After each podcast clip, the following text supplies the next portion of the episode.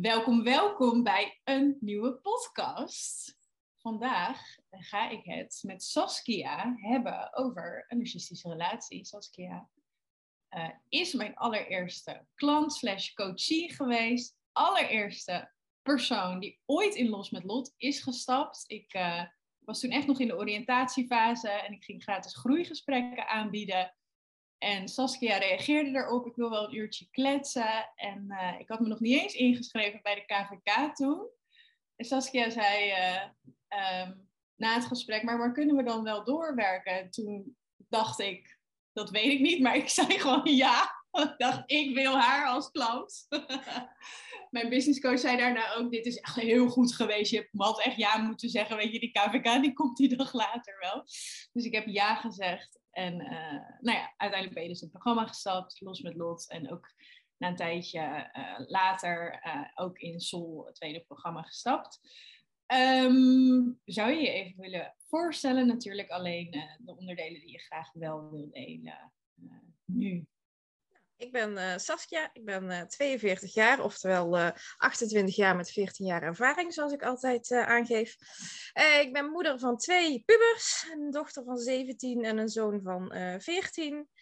En ehm, ik ben ja, bijna op de dag af, vandaag twee jaar, ja, morgen twee jaar. Oh, weg. twee jaar weg. ja, ja. En uh, inderdaad, ik zag uh, Lot haar oproep uh, op een forum voor zakenvrouwen. En op dat moment, ik zat op de wachtlijst bij een psycholoog. Dat schoot niet op. En ik denk, ik trek de stoute schoenen aan. En dus ik heb Lot inderdaad benaderd en gezegd van nou jongens, kunnen we een keer praten? Ja, ja, super gaaf. Het was mijn eerste of mijn tweede gesprek ever met, nou ja, dan ga je je doelgroep leren kennen. Dus dan ga je zeggen, joh, ik wil op narcisme mensen helpen. En dan uh, had ik dus drie oproepjes geplaatst en ook drie gesprekken gehad. En jij was volgens mij misschien zelfs dat eerste gesprek. En uh, dat was zo leuk. Vond het was in ieder geval niet te merken. Nee? Nee, echt niet. Oké, okay, ja, nee, ja. Nou, fijn te horen. nee, anders was je ook niet ingestapt, denk ik. Maar uh, ja, dus oké, okay. twee jaar straks, weet je de datum? Uh, tien... delen, want het is misschien wel heel uh, persoonlijk, nee? Ja, ik weet de datum. Vorig jaar ja. met uh, vriendinnen een fles wijn opengetrokken. En nu gaan we weer met z'n drie aan de drank. ja, ik ga het wel vieren, precies. Dat was mijn volgende vraag. Wordt het gevierd? Ja. ja, elk jaar gaan we het vieren. Jee, wat mooi. Dus al twee keer, nee, al één keer gevierd. Ja. Of twee keer. Ook de eerste dag misschien al. Maar dat lijkt me heel heftig om het dan meteen te vieren. Mooi. Um, ja, ik kan me zo voorstellen dat mensen die luisteren zo benieuwd zijn naar jouw proces. Um, um, welke fase, waar zat je in toen je dus die psycholoog probeerde voor aan te melden? Uiteindelijk bij mij in dat gesprek kwam. Wat was de druppel? Wat was de uh, reden? Um, hoe is het uiteindelijk ook met je kinderen vergaan? Ik weet dat daar heel veel vrouwen en mannen ook uh, vragen naar hebben. Hoe heb je dat um, in de juiste manier, in goede banen geleid? En um, de twijfels. Er zijn zoveel mensen die twijfels hebben voordat ze echt aan de bel trekken en met een psycholoog praten is één, maar echt met mij praten ook. Een narcismecoach die toch best wel helder is, denk volgens mij. Als je met mij start, dan ga je wel echt stappen maken in loskomen. Dat is niet even ja. een theekransje en zes keer even klagen over je partner en vervolgens niks doen. Bij mij is volgens mij het doel best wel helder. Misschien was dat doel voor jou ook wel uh, helder als je met een psycholoog zou gaan praten. Wat was daar ook de, um, de allergrootste reden dat je dacht, ik ben er helemaal klaar voor. Ik wil um, los gaan komen. Er zijn heel veel vragen in één. Maar vooral de laatste, ik wil echt los gaan komen. En wat heb je gedaan ook met die schreeuwende stemmetjes die zeiden... Um, ja, maar uh, vader en moeder samen zijn veel beter voor de kinderen. Um, wat heb je gedaan tegen al die schreeuwende stemmetjes? Ik zou het niet alleen kunnen. Wat heb je daar tegen gedaan? Nou, weet je, het feit dat ik het alleen kon, dat wist ik al uh, uh, heel snel. Hij heeft altijd heel veel gewerkt, dus ik heb er eigenlijk altijd alleen voor gestaan. Uh, maar had wel verantwoording af te leggen. Het traject heeft jaren geduurd. Echt jaren.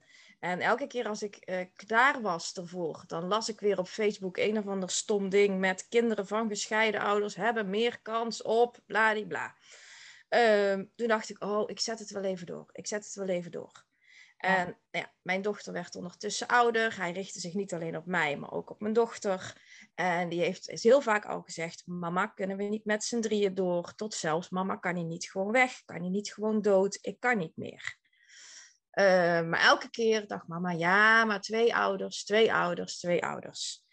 Uh, nou, ik ben me gaan verdiepen. Uh, ik, heb zelfs een ik heb zelf een pedagogische achtergrond. Uh, nou, ook gewoon echt duidelijk gaan zoeken. En ik ben erachter gekomen dat um, kinderen bij één gelukkige ouder veel beter tot hun recht komen als twee ongelukkige ouders. En dat klinkt natuurlijk wel, ja, logisch, twee ongelukkig of één gelukkig. Maar dat staat er los van. Eén stabiele ouder is alles wat een kind nodig heeft om uiteindelijk goed terecht te komen. Um, bij mij was het zo dat het laatste half jaar uh, ging ik eigenlijk naar bed toe. Elke avond met de hoop dat ik de volgende ochtend niet meer wakker zou worden. Ik kon niet meer, ik was op. Ik zou mezelf nooit iets aandoen, want ik zou mijn kinderen niet achterlaten. Maar als me iets zou gebeuren, zou ik het niet erg vinden. Ja. En het was de eerste zo zaterdag van de zomervakantie. De oudste was aan het logeren bij een vriendje. En de jongste had een slaapfeestje. Dus we hadden geen kinderen. En ik was bij een vriendin wat gaan drinken. Gewoon nergens over gehad. Ook niet met haar. En hij laat me voor de zoveelste keer een of ander YouTube-filmpje zien. Wat ik altijd verschrikkelijk vond, die filmpjes. En ik kijk hem aan en ik zeg: Ik wil scheiden. Ik kan niet meer. Ik ben op.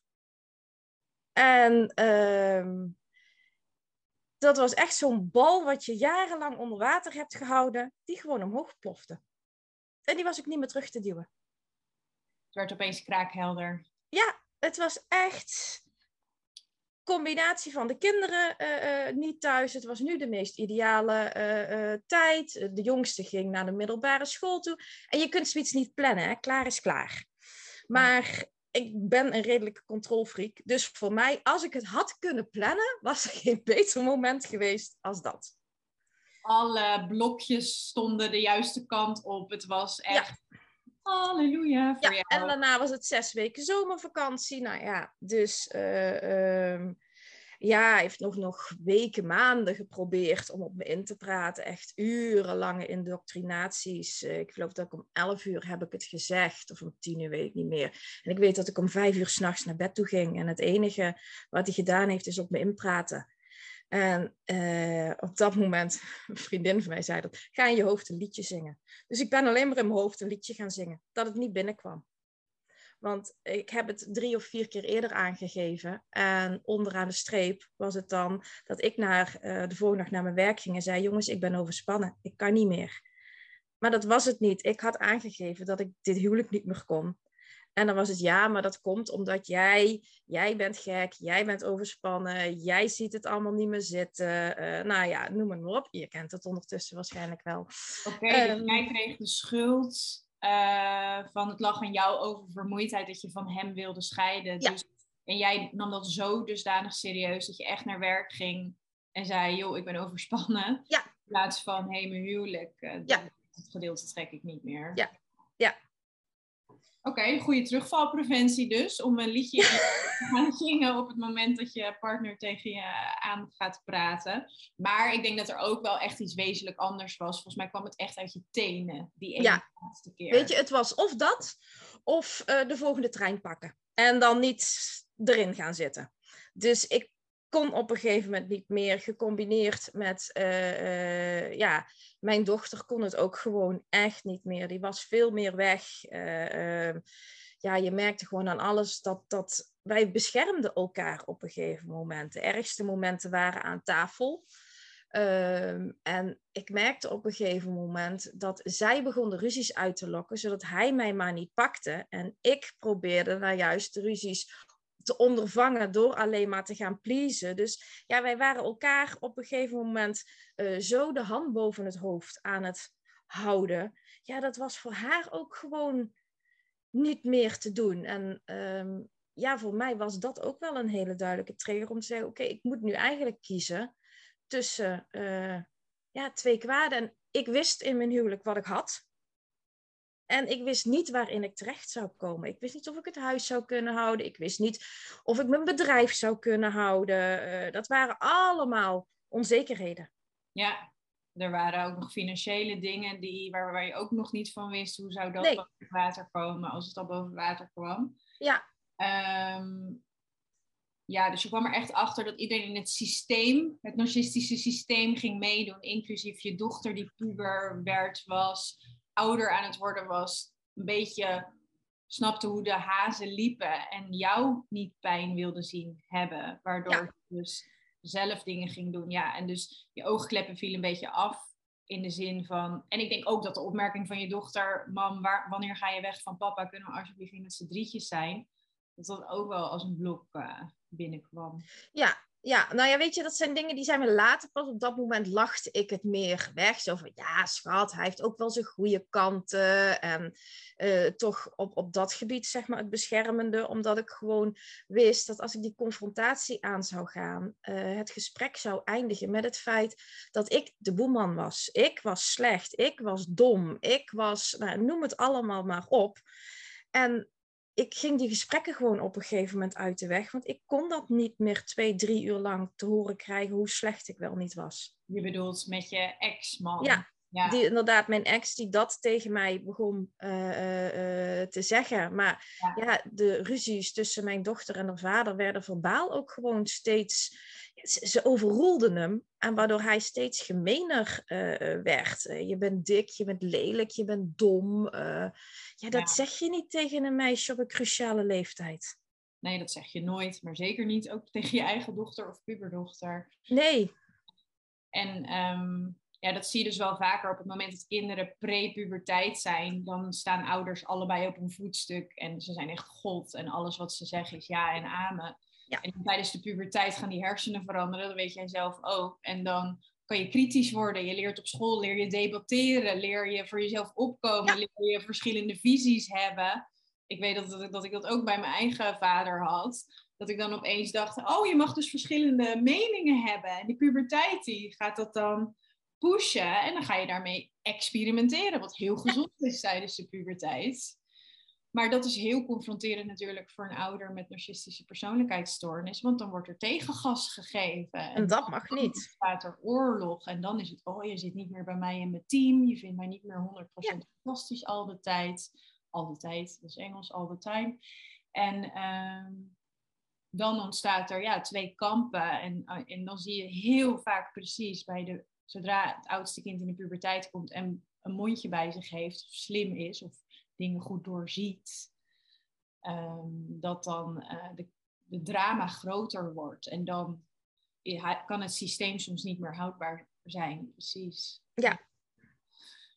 Oké, okay. nu terugkijkende, je, uh, hebt, het is altijd het perfecte moment om weg te gaan, is mijn mening. Je gaat weg ja. als het het perfecte moment is. En ja. is een hele stomme vraag voor jou persoonlijk, maar ik snap, ik denk wel dat mensen nu de twijfel of de vraag aan jou kunnen willen stellen.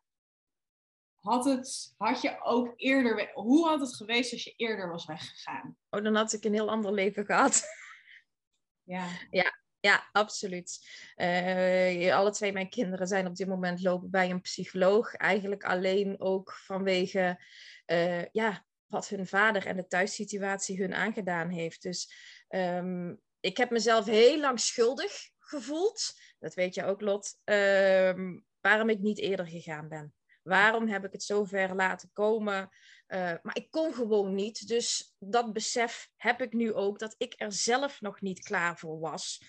Um, of ik dan ook zo goed met de kinderen en met hun problemen om had kunnen uh, gaan zoals ik dat nu probeer te doen. Ik zeg niet dat ik het goed doe, maar ik doe heel hard mijn best. Uh, weet ik niet of me dat gelukt uh, zou zijn. Um, had ik het eerder gewild? Ja, absoluut. Echt. Ik, ik had heel veel dingen anders kunnen opbouwen, kunnen doen, uh, voor de kinderen kunnen zijn. En ja, aan de ene kant, het is nooit een goed moment om uh, te stoppen. En het is altijd een goed moment om te stoppen. Er is altijd wel iets. Ik heb wel drie, vier jaar gedacht, zo, dit is onze laatste oud opnieuw samen. Volgend jaar word ik 37. 7 is mijn geluksgetal dit jaar ga ik, dit jaar ga ik, dit is mijn laatste kerst, dit is mijn laatste, alles was ik op een gegeven moment, dit is mijn laatste, dit, mijn laatste, dat. Ja. En ja, en op een gegeven moment was het, het ging gewoon niet meer. Nee, wat zou je tegen vrouwen zeggen die nou, rond de 37 jaar van jou zitten, of tenminste niet die 37 als leeftijd, maar de gevoelens die jij had toen jij 37 werd? Um, wat zou je tegen iemand die in die situatie zit, of de jongere versie van, van Saskia, willen zeggen? Ja, weet je, ik, als je twijfelt, vooral als het echt een narcistische relatie is, doen, ga. Ik bedoel, op het moment dat jij de nodige therapie hebt gehad en je staat zelf stabiel genoeg in uh, je schoenen. Um, ik ben wat dat betreft een hopeloze romanticus als het meant to be is, is het meant to be. En dan kom je elkaar over een tijd wel weer opnieuw uh, uh, tegen. Maar kies voor jezelf. Kies voor het geluk van je kinderen. Um, en ja, als hij, even of zij, maakt me niet uit, niet verandert, dan maak je jezelf gewoon kapot. Ja. Dus bij twijfel of er narcisme is, want bijna niemand heeft een diagnose. Jij... Nee, dat heeft hij ook niet. Nee. nee. Dus, dus dat is helaas aards van beestje, gebrek aan een diagnose. Investeer je in jezelf in therapie. Ik vind dat eigenlijk een hele waardevolle tip. Want als je, dan word je één krachtiger. En stel ja. er gewoon wat mis zijn aan jouw kant. Want heel veel vrouwen denken, ja, maar ik ben te zwak. Of ik heb... Ja, uh, ik ben gek. Gevoeligheid. Of drama ja. Of weet ik veel, nog erger. Ik heb, misschien heb ik wel borderline zelf. Of whatever. Ga zelf in therapie. Want dan ja. kom je erachter. Dan kan de therapeut zeggen, ja, sorry schat, maar je hebt echt borderline. Of de therapeut, en die kans is groter, zegt: er is niets mis met jou, uh, behalve dat je misschien even wat aan je grenzen mag gaan werken en wat beter voor jezelf kan opkomen. En dan heb je dat gedaan en dan kan je merken, wordt de relatie dan beter of slechter? Want je gaat uiteindelijk zelf groeien. Nou ja, als je zelf gaat groeien en de relatie wordt slechter, that's a signal. Dat is een signaal aan de, aan de wand. Ja. Um, en jij, uh, ja, mooi, jij hebt ook een denk ik, gewacht totdat jij. Want inderdaad, je vertrekt altijd op het juiste moment. En ik hoorde ook net in jouw verhaal dat je uh, toen pas de uh, body had, de, de zekerheid. Ja. Dat... Hij heeft zo lang is hij bezig geweest om mij af te breken en uh, ook om geen vriendschappen aan te gaan. Um, en ik ben op een gegeven moment met een vriendin avonden gaan wandelen. Um, ik heb pas eigenlijk vrienden gekregen of vriendinnen gekregen uh, waar hij niks aan kon doen. Dat was op het voetbalveld van uh, de jongste. Sta je toch met een groep moeders. Hartstikke gezellig. Nou, dat is uiteindelijk een borrelclubje geworden. Nou, ondertussen zijn de jongens uh, acht jaar verder en zitten niet meer bij elkaar op voetbal. Maar wij borrelen nog steeds regelmatig. Um, dat is in eerste instantie met heel veel slag en stoot gegaan. Zo'n vrijdagmiddag. Nou, we begonnen gewoon om half vier. De kinderen gingen mee. En om negen uur s'avonds waren we netjes thuis. Niet meer nuchter, maar we waren thuis. Je hebt afleiding. Vanuit daar is een vriendin naar voren gekomen met wie ik ben gaan wandelen. Ook dat heeft heel veel strijd opgeleverd. Binnen uh, jouw uh, relatie met je man. Ja. ja om dus uh, te mogen gaan wandelen, om vriendschappen te mogen hebben. Maar nou juist door die vriendschappen zijn wel mijn ogen geopend. En langzaamaan, ik heb van hem geleerd dat je nooit iets mag delen, nooit iets mag vertellen, altijd alles binnen kamers moet houden. Um, dus dat heb ik heel lang gedaan, totdat ik dingen begon te delen. En ook terugkreeg met heel veel dingen, dit is niet normaal. Nee. Dit is niet zoals het hoort. En dat zijn voor mij wel uh, de eye-openers geweest. Ja.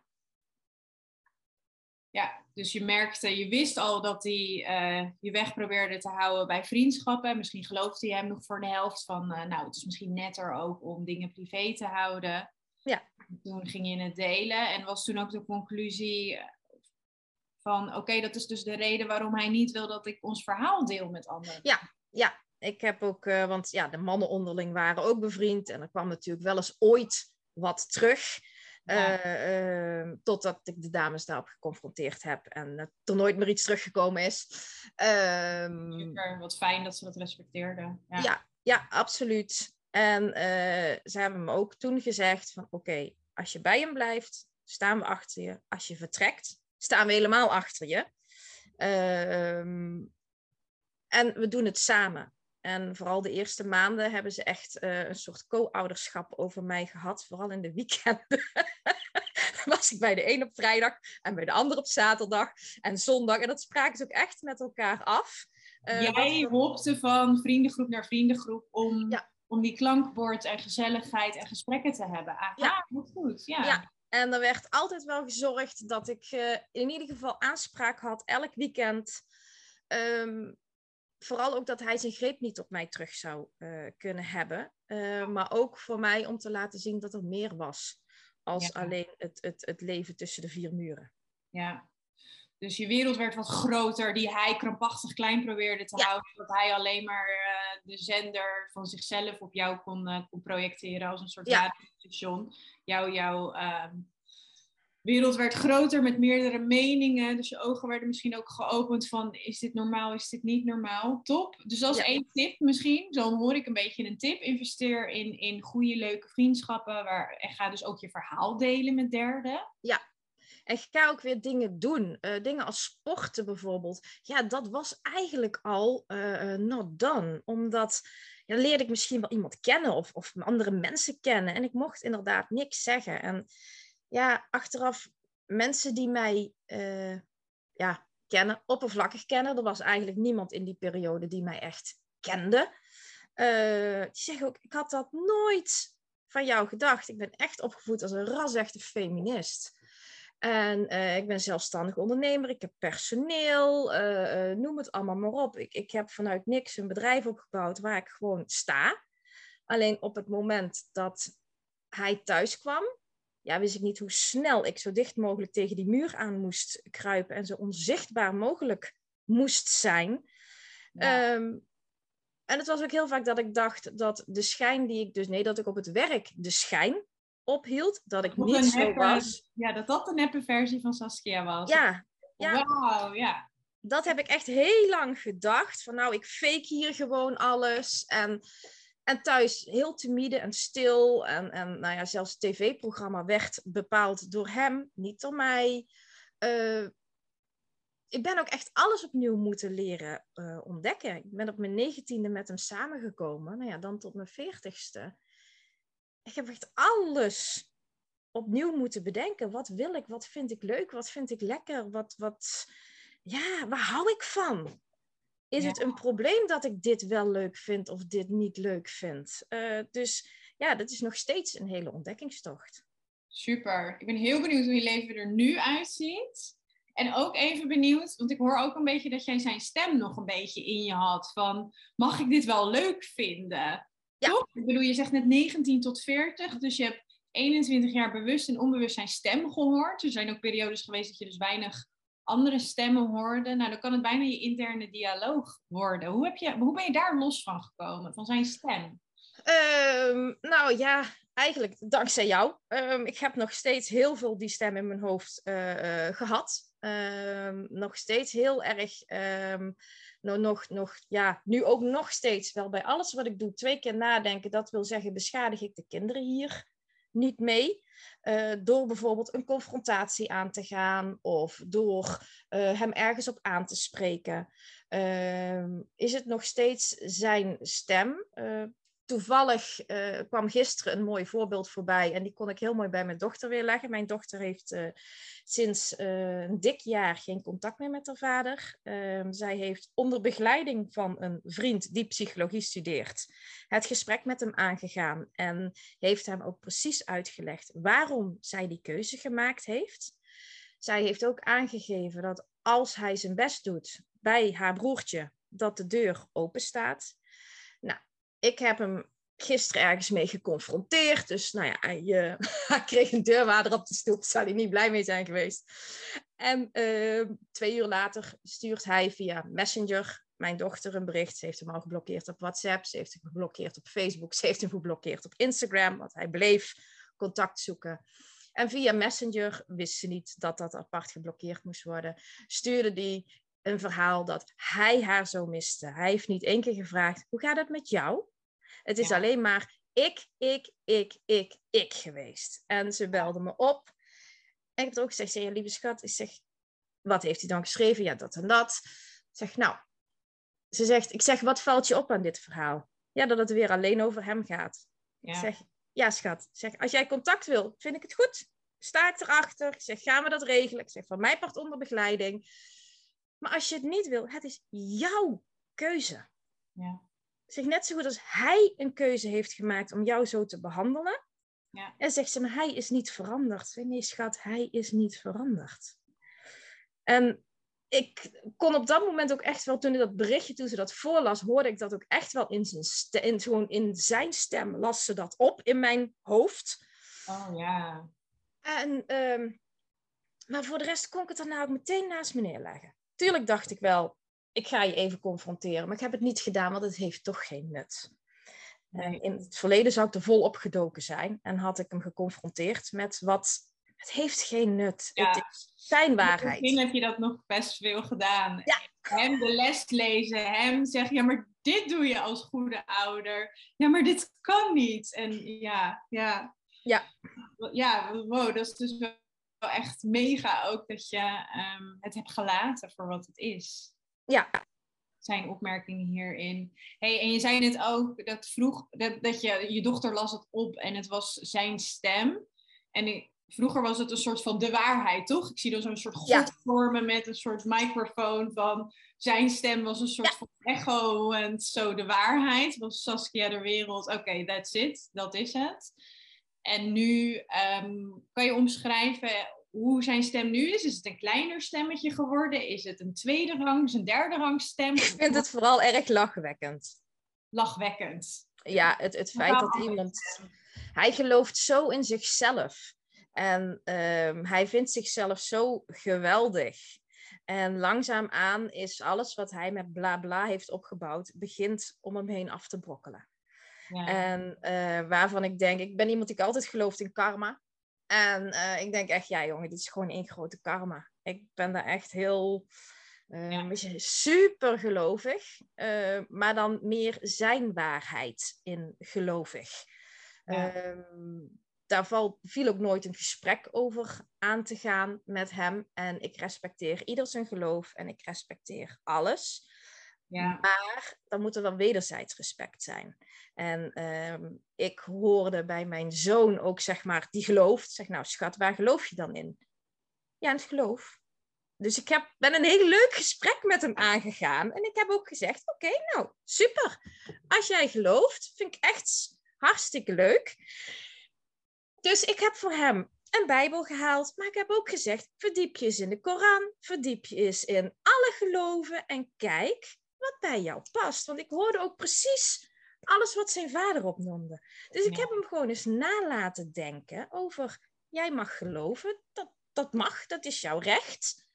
Maak wel wel dat je weet waarin je gelooft. Ja. Dus ik geef ze op die manier, en het is me niet in dank afgenomen door uh, vader.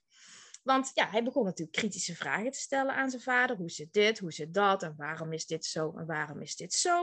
Nou ja, ik kon ze niet beantwoorden, dus behalve Google. En op een gegeven moment gezegd, oké, de vragen die je nu nog hebt, stel maar aan je vader. Want die is wel meer in het geloof uh, thuis als ik. Dus ja, samen die zoektocht aan. Nee, dat mag niet. Het zou ook een leuke exercitie kunnen zijn als vaders geen uh, persoonlijkheidsstoornis had gehad, dan had het heel leuk geweest. Ja, Samen ik vond het hartstikke interessant om dat te doen.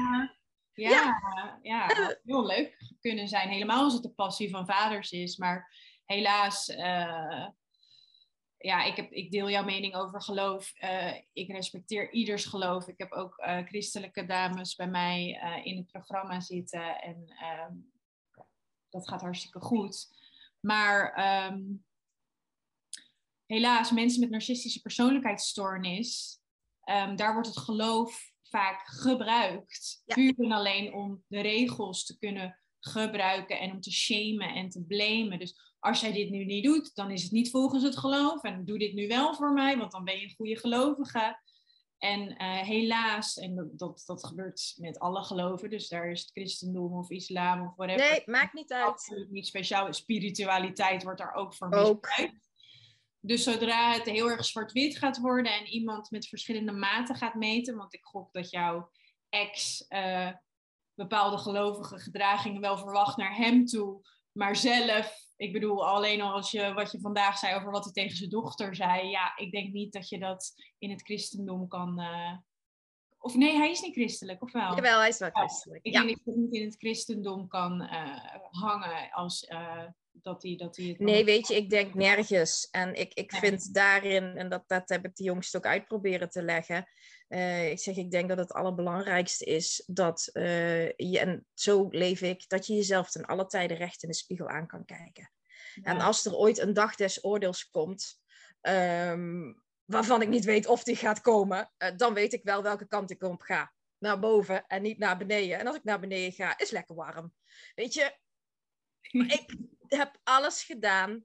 ehm, en bij alle beslissingen die ik genomen heb, kan ik mezelf recht in de spiegel aankijken. Precies. En ik denk dat dit ook belangrijk is voor de gelovige dames die, eh, die nu misschien luisteren. Want nou, wij zijn allebei dus niet praktiserend christen. Nee. eh, maar ehm, ja, het heeft uiteindelijk ermee te maken met, joh, zie je wat er is en eh, kan je jezelf recht in de ogen aankijken? Heb je keuzes gemaakt uit liefde of uit bescherming voor je kinderen of bescherming voor jezelf of uit liefde voor jezelf? Ja, mijn moeder citeerde altijd zo'n dingen. Volgens mij komt het ergens uit eh, een of andere eh, Bijbel. Wat niet wil dat u geschiet, doe dat ook een ander niet. En die roep ik ook regelmatig. En dan zit ik al bij de kinderen. Wat? Ja, we weten het wel. Oké. het is wel duidelijk. Ja, en zo is een narcist ook best wel goed te herkennen. Tenminste, niet iedereen die hypocriet is, is een narcist, maar iedere narcist is wel hypocriet. Kijk of, of iemand eh, degene, de dingen die hij of zij eist, ook zeker als het uit een geloof komt, ook, maar ook zonder geloof. Als, als er een bepaald respect of een bepaald level van aandacht continu verwacht wordt. Kijk of iemand dat ook op dat level kan geven. En, Ja, eh, en, en wat je geeft, verwacht is ook. Eh, Je moet ook dingen terug kunnen verwachten. Bedoel, Het hoeft niet precies hetzelfde te zijn. Maar als hij bijvoorbeeld eh, elke zondagavond eh, om acht uur eh, voetbal wil kijken, ik noem maar even iets, hè, dan moet het ook kunnen dat jij elke maandagavond The Bold and the Beautiful mag kijken. Ik bedoel, daar moet wel een redelijke verhouding in zitten. Het is geven en nemen. En vaak is het zo in, in, in deze relatie, of eigenlijk altijd is het zo, dat het in eerste instantie heel veel geven is vanuit de narcist tot het die je heeft.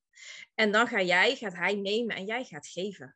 Want Ja, vroeger was hij ik zo niet meer leuk. door heb dat, eh, dat hij opeens op 90%, 10% Ja. is ge... En jij hebt niet meer door dat jij voetballen eigenlijk niet leuk vindt. Dus En ja, jij kijkt op zondag ook naar. popcorn, met je popcorn en je voetbalshirt aan iedere zondagavond. Ja, Maandagavond voetbal te kijken. Voor de ja.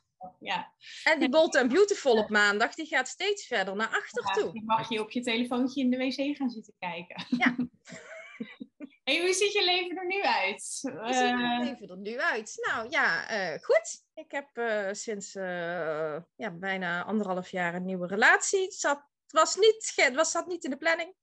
Eh, maar ja, soms lopen dingen ook gewoon zoals ze eh, lopen. Ehm, dat zijn de leukste, toch? De dingen die niet in de planning liggen. ja, ja. Ja. Het is wel echt een, een gewenningsproces geweest. Vooral het eerste jaar heb ik heel erg zitten wachten op het feit... eh, wanneer verandert hij? Wanneer doet hij weer hetzelfde? Ja. Ehm, ik ben ook echt conflicten uit gaan lokken. Gewoon Wanneer doet hij hetzelfde even ter context als jouw ex dus blijkbaar deed? Van dat Ja. hele leuke, dat hij heel veel geeft, naar dat switch moment van dat, Ja, dat mijn ex had altijd de neiging om mij helemaal op te hemelen. En daar kon hij dagen, weken over doen. En dan kon hij me weer gewoon ineens van mijn voetstuk aftrappen en me helemaal figuurlijk gezien eh, de grond intrappen. En dan bleef hij dat weer weken doen totdat hij me weer op ging hemelen. En ja, daar zat ik eigenlijk gewoon, heb ik heel lang op zitten wachten. En ehm, ik heb, nou ja, tegelijkertijd zat ik natuurlijk ook bij jou, Lot. Eh, ik, ik heb hem ook betrokken. Jij hebt mij wat dingetjes ook doorgestuurd. Die heb ik ook doorgestuurd naar hem. Ehm, hij komt ook uit een soortgelijke relatie. Ja. Ehm, met, of in ieder geval, heel veel raakvlakken zaten erin. Dus ja, hij heeft ook aan mijn kant gezeten, zeg maar. Ehm, en als ik hem dan uit lokken was, dan zei hij wel eens, je doet het weer, hè? Oh ja, sorry, ik doe het inderdaad weer. Dus die confronteerde mij gewoon met mijn uitlokgedrag. En dat hij op een gegeven moment zei, ik ga niet. Je kunt doen en laten wat je wil, maar ik blijf. Ja. Ja, en nu bijna anderhalf jaar later besef ik dat. Dat hij inderdaad blijft. Doe ehm, getest, anderhalf jaar getest. ja, ja. Of hij is eindelijk tot rust gekomen. Arme jongen.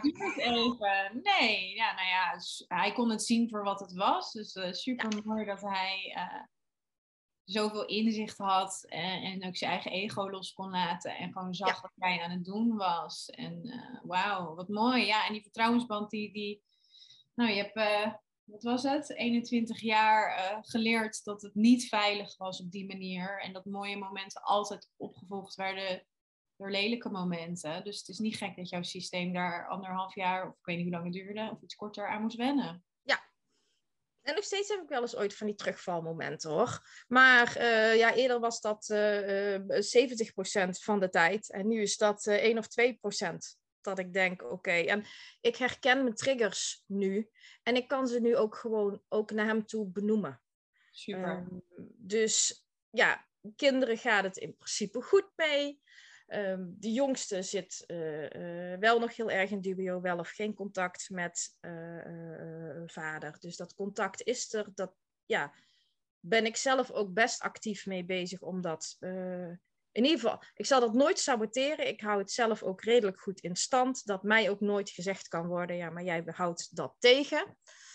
Nee. Ehm, maar ja, die begint zich nu af te zetten.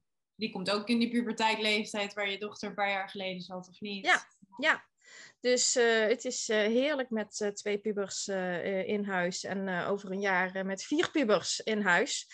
Ehm, dus Wat, hè? Heb je een tweeling? Nee, van Nee. Je, van je vriend. ja, Oh, bij mijn vriend. En eh, we hebben ook nog twee jongens met dezelfde naam en dezelfde leeftijd, om het heel praktisch te houden. Oh, leuk. Dus als ze in het park staan en je moet schreeuwen, dan... eh, Ja, is het één keer en dan heb ik er twee. Dus Oh. nee, Maar ook wel fijn, ook voor je zoon, denk ik. Of niet? Nee, die vindt het nog heel raar. Oh. Eh, ehm, zijn vader heeft nooit echt als, als vader eh, gefungeerd. Ja, voetballen natuurlijk wel. Maar dingen als banden plakken, gewoon de, de basic dingen, dat herkent hij niet. Dus laatst was, zijn, Ja. was zijn band lek. Fijn. Ja. En dan komt mijn vriend om zijn band te plakken. En dan zit hij echt aan te kijken zo van... Hoezo? Hoe kan dit? En mijn dochter moest vorige week naar het ziekenhuis toe in Rotterdam. En eh, nou, dat is vanuit ons een, hele dag eh, ongeveer. Eh, we hebben ook vier uur gezeten. Ja, en hij heeft vrijgenomen en hij is meegegaan. En heeft ook echt vier uur lang in dat ziekenhuis op ons zitten wachten. Terwijl wij dus van arts naar arts naar arts toe gingen. En dan had mijn zoon echt zoiets zo van... Is dat normaal? Maar gewoon, hij zit er niet te sikkeneuren of boos te zijn. Nee, hij is er überhaupt. Hij neemt er een vrije dag voor. Eh, ik hoef niet, mama hoeft niet alleen te gaan. Eh, daarna zijn we nog wat gaan eten. Dat hij echt iets had van, kan dit? Ja, Ja, maar daarom fijn voor je zoon, ondanks dat zijn ogen nu uit zijn kassen vallen, waarschijnlijk van, kan dit? Zo fijn dat hij blootgesteld wordt daaraan. Al Ja. gaat het misschien heel langzaam en zal die net als jij anderhalf jaar, misschien je zoon nog wel langer, mogen wennen daaraan. Van, is, is dit echt zo? Bestaat dit? En we geven hem die tijd ook echt. Het is echt zijn tempo eh, in dit hele verhaal. Ja. Dus eh, ja, dat doen we echt heel rustig aan. Omdat ja, de kinderen zijn ook getraumatiseerd. En die redden het allemaal wel. En eh, die komen hier veel sterker uit. En dit is een betere situatie als waar ze in zaten. ja. Heb je daar volledig vertrouwen in dat ze er beide uitkomen?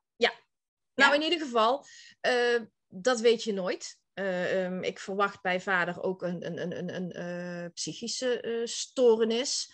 Ehm, dat zou erfelijk kunnen zijn. Dus ja, ehm, of ze er beide goed uitkomen. Ja, meer als mijn best kan ik niet doen en doe ik.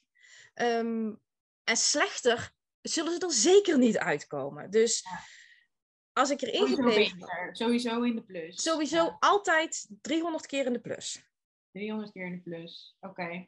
Dus goede keuze gemaakt. Kan ik dat concluderen? Ja, absoluut. Ja, klinkt fantastisch. Je leven ook nu met je nieuwe leuke lieve vriend. En jullie gaan dus samen wonen. Ja, nou, we beginnen nu langzaam aan met verbouwen. En eh, dat doen we ook op ons gemak. En eh, de planning is om uh, volgend jaar samen te gaan wonen. Maar volgend jaar is een ruim begrip. Dat kan januari zijn, maar dat kan ook juli zijn. Het ligt eraan ja, wanneer mijn zoon eraan toe is. Mooi, super. Super. En met die psychische stoornis bedoelde je iets naast narcistische persoonlijkheid? Ja, als ik achteraf terug ben, herken ik heel veel dingen uh, uit het, ik weet nooit hoe ik het moet zeggen, bipolaire of bipolar, net hoe je het beestje een naam geeft. Heel erg ehm, in de high en heel erg in de depressie. Ja, echt dagen, we na, weken lang dat ik zeg, jongen, je bent deze week nog niet onder de douche geweest. Of, uh, maar ook, ehm, ja, vooral hele erge pieken. Dan ging hij zeven dagen per week sporten, vier uur per dag. Ehm, en dat hield hij dan weer maanden vol, om dan vervolgens weer iets anders te pakken. En ja, dat zijn echt wel dingen waarvan ik denk, ik kan mijn vinger er niet op leggen, maar het, ergens klopt het niet. Alleen, ja, weet je, het is niet gediagnosticeerd, dus ik weet het niet. Maar alle kenmerken vanuit mijn optiek zijn er wel. Ja, maar dat obsessieve zit ook wel aan narcisme gekoppeld. Hè? Want narcisme is uh, uh, narcistische persoonlijkheidsstoornis is een continue afleiding van het inferioriteitsgevoel. Dus iemand met narcistische persoonlijkheidsstoornis zoekt continu afleiding. Dus dit is heel vaak zo dat er heel veel gesport wordt. Of dan wordt er een nieuwe hobby gevonden. Of een pokerverslaving. Of een andere verslaving. En dat houdt dan inderdaad, het zijn dan van die hobby's die intens worden beleefd. En dan twee maanden lang is dit het. En daarna wordt het van de tafel afgegooid. En dan komt er een nieuw, nieuwe hobby. Ja, weer iets waar... wel, maar jij merkte ook echt die depressie en de... Ja, nou ja, weet je, ik, ik kan me ook echt tijden herinneren van, van slechte verzorging en dat soort uh, dingen. Wat dan een paar weken later weer een perfecte verzorging is. En, en dus ja, ik weet het niet. Ik, het zou inderdaad ook kunnen zijn dat dan bijvoorbeeld het sporten niet meer opleverde wat hij nodig had. En dan op zoek ging naar iets anders. Dus ik weet het niet. Weet je, de kinderen, alle twee, uh, uh, wordt erop gelet. Uh, er worden vanuit school supergoed begeleid. het is gelukkig een hele kleine middelbare school. En ja, daar zit alle begeleiding zit er gewoon op. Ehm, dus ja, en meer als dit kunnen we ook gewoon niet doen. Het is ook aan hun. Het zijn hun keuzes. Uh, ze zien dat ik de juiste keuze gemaakt heb. Ze zien wat het me gekost heeft, maar ze zien ook wat het me opgeleverd heeft. En ze zien de persoon die ik nu geworden ben. Je kinderen heb je het nu over. Ja, en ik hoop dat ik ze daarmee het juiste voorbeeld geef. Ja. Heb je gesprekken met je oudste dochter hierover, over het voorbeeld wat je haar hebt gegeven nu? Uh, nee, daar is ze voorlopig nog niet uh, aan toe. Dus ze heeft laatst wel van school iets moeten schrijven. Iemand, uh, ik heb het niet officieel gezien. Ik kwam het per ongeluk tegen op de kamer met het opruimen van de was. iemand tegen wie ze opkeek. En dat stuk, ik heb het niet gelezen, maar daar stond wel mama. En dan had ze een heel verhaal geschreven. Dus toen dacht ik al, ja, weet je, dat ja. zegt genoeg. Ja, mooi. Nou, alle signalen staan op groen, toch? Ja. Van je kinderen gaat het beter mee, maken keuzes voor zichzelf. Ja. Uh, jij en je leuke nieuwe gezonde relatie waar je steeds meer in durft te vertrouwen en gedijen. Ja, ik heb wel nog eventueel een tip op het moment dat je in het traject, het proces zit. Uh, ik heb mezelf, nou, ik heb dan toevallig een schandalig dure ring gekocht. Om, ook omdat oh, ik nooit iets gegund ben qua uh, iets. Ik heb denk ik ook zeker tien jaar lang geen verjaardagscadeautjes, geen moederdagcadeautjes, uh, dat soort dingen gekregen. Ja, behalve van de kinderen natuurlijk, maar van hem nooit iets. ja. Nee. geen bosje bloemen, niks. En ik ben op mijn verjaardag vorig jaar ben ik naar de juwelier gegaan en heb ik echt een schandalig mooie ring gekocht. En ehm, elke keer als ik die zie, bedoel, ja, ik vind het zelf fijn dat het zichtbaar is. Ja. En vooral op momenten dat het niet goed gaat, dan kijk ik naar die ring en dan zit ik op mijn middelvinger en symbolisch gezien. steek ik dan mijn middelvinger even op. Maar... Um, Super. Wow, dat wist ik niet, dat hij om je middelvinger zat. Ja, ja. Ja. Ik stond uh, drie weken geleden naast, naast het voetbalveld. In, ik ga niet meer naar het voetballen toe van de jongste, omdat ik hem gewoon niet tegen wil komen. Ja. Maar dat was de laatste wedstrijd. Nou, oké, ik kom wel kijken. En het eerste die zei is, wat heb jij aan je vinger? Dus ik stak mijn middelvinger op, zeg, mooi hè? die moest gewoon even. Daar heb je gewoon weken over nagedacht. Daar heb je gewoon al... Het was echt heel... Oh, dit was niet. Dit was, dit, was, oh, dit was wederom zo'n moment dat je gewoon niet beter had kunnen plannen. Ja, ja. Maar oh. ja, elke keer, en vooral op het moment dat ik s'avonds op de bank zat, mezelf heel zielig uh, te voelen, dan keek ik ernaar en dan denk ik, jezus, ik heb toch maar, sorry voor degene die gelovig zijn, ik heb het toch maar mooi gedaan. Ja, jeetje, je hebt het toch maar mooi gedaan. Ja. ja.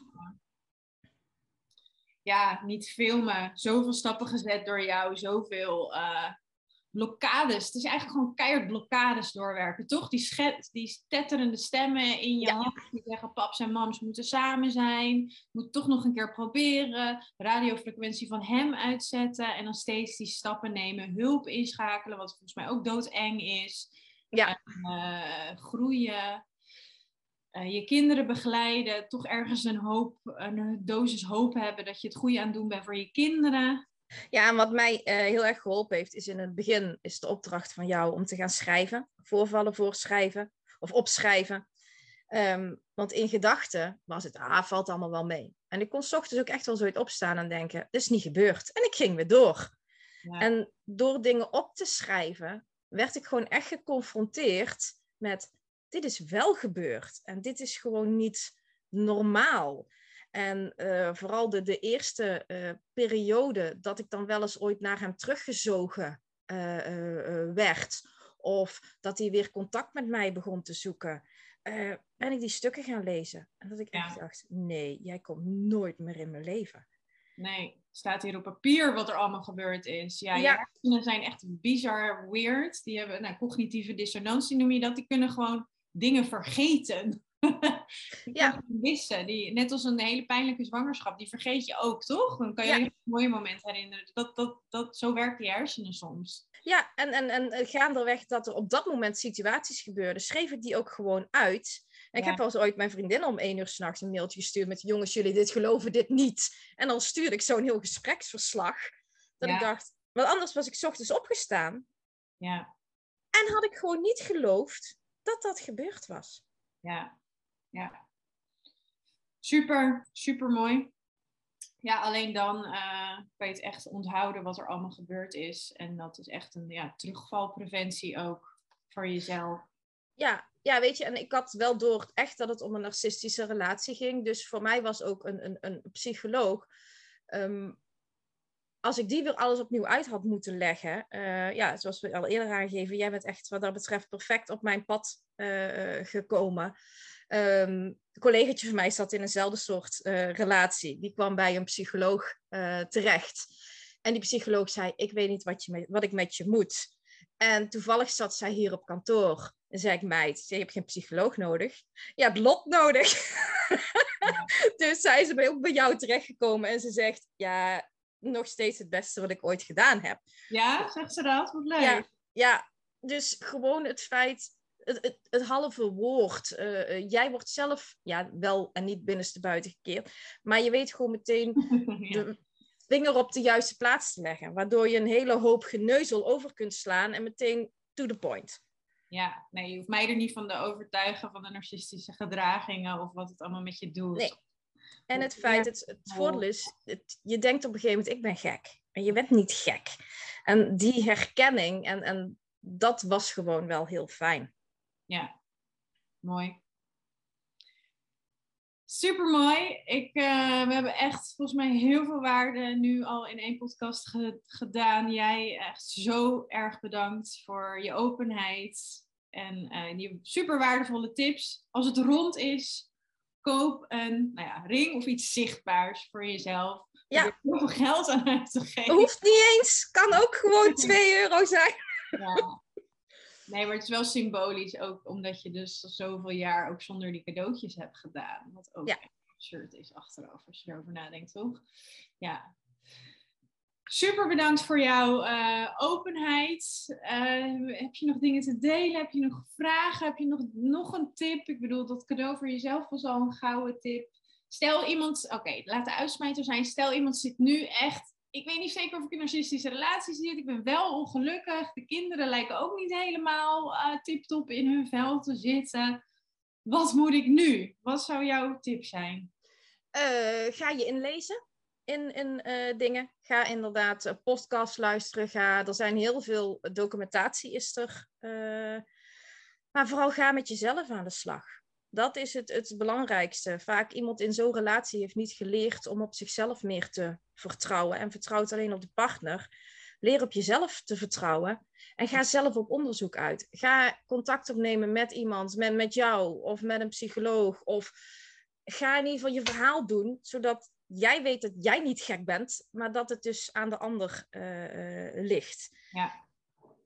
Investeer in jezelf en ga zelf groeien. En, ja. en kijken wat, wat er bij jezelf te groeien of helen valt. Ja, en als de ander niet mee kan of wil groeien, dan weet je ook genoeg. Dan is dat het teken aan de wand juist ook. Ja, ja. Ja, want een gezond persoon zou het superleuk vinden als je groeit, toch? Jouw huidige relatie, als jij zegt, joh, ik heb nieuwe dingen geleerd, ik ben sterker aan het worden, dan staat het te klappen, denk ik. Ja, ik ben een nieuwe opleiding uh, begonnen en uh, nou ja, dan ben ik nog aan het leren, dan staat hij te koken. En dan zegt hij, ja, ga jij nog maar even studeren. Ja, hij is je grootste supporter dan. En niet, uh, oh, Saskia is weer aan het leren hoor. Ze wordt weer slimmer en nog een betere CEO. En uh, ja. het bedrijf straks nog beter draaien. Wordt ze nog gelukkiger? Oh nee. Ja, ja. Nee. Super. Hey Sas, super bedankt. Uh, Jij ook. Ik uh, zet de opname uit en laten we nog even bij nakletsen. Ja, is goed. super bedankt voor het luisteren. Ik hoop dat je super geïnspireerd bent door het verhaal van, van Saskia. Um, ja, dit is, dit is volgens mij al zoveel herkenbare punten over de herkenning van haar man. Hoe je dan met je kinderen, hoe je kinderen ook ervoor kunnen zorgen dat je juist geen stappen wil of durft te nemen. Zo mooi uh, uitgelegd. En ik hoop dat het je ook erg inspireert uh, waar Saskia nu is en, en hoe goed ze haar leven nu uh, op orde heeft. Dankjewel voor het luisteren.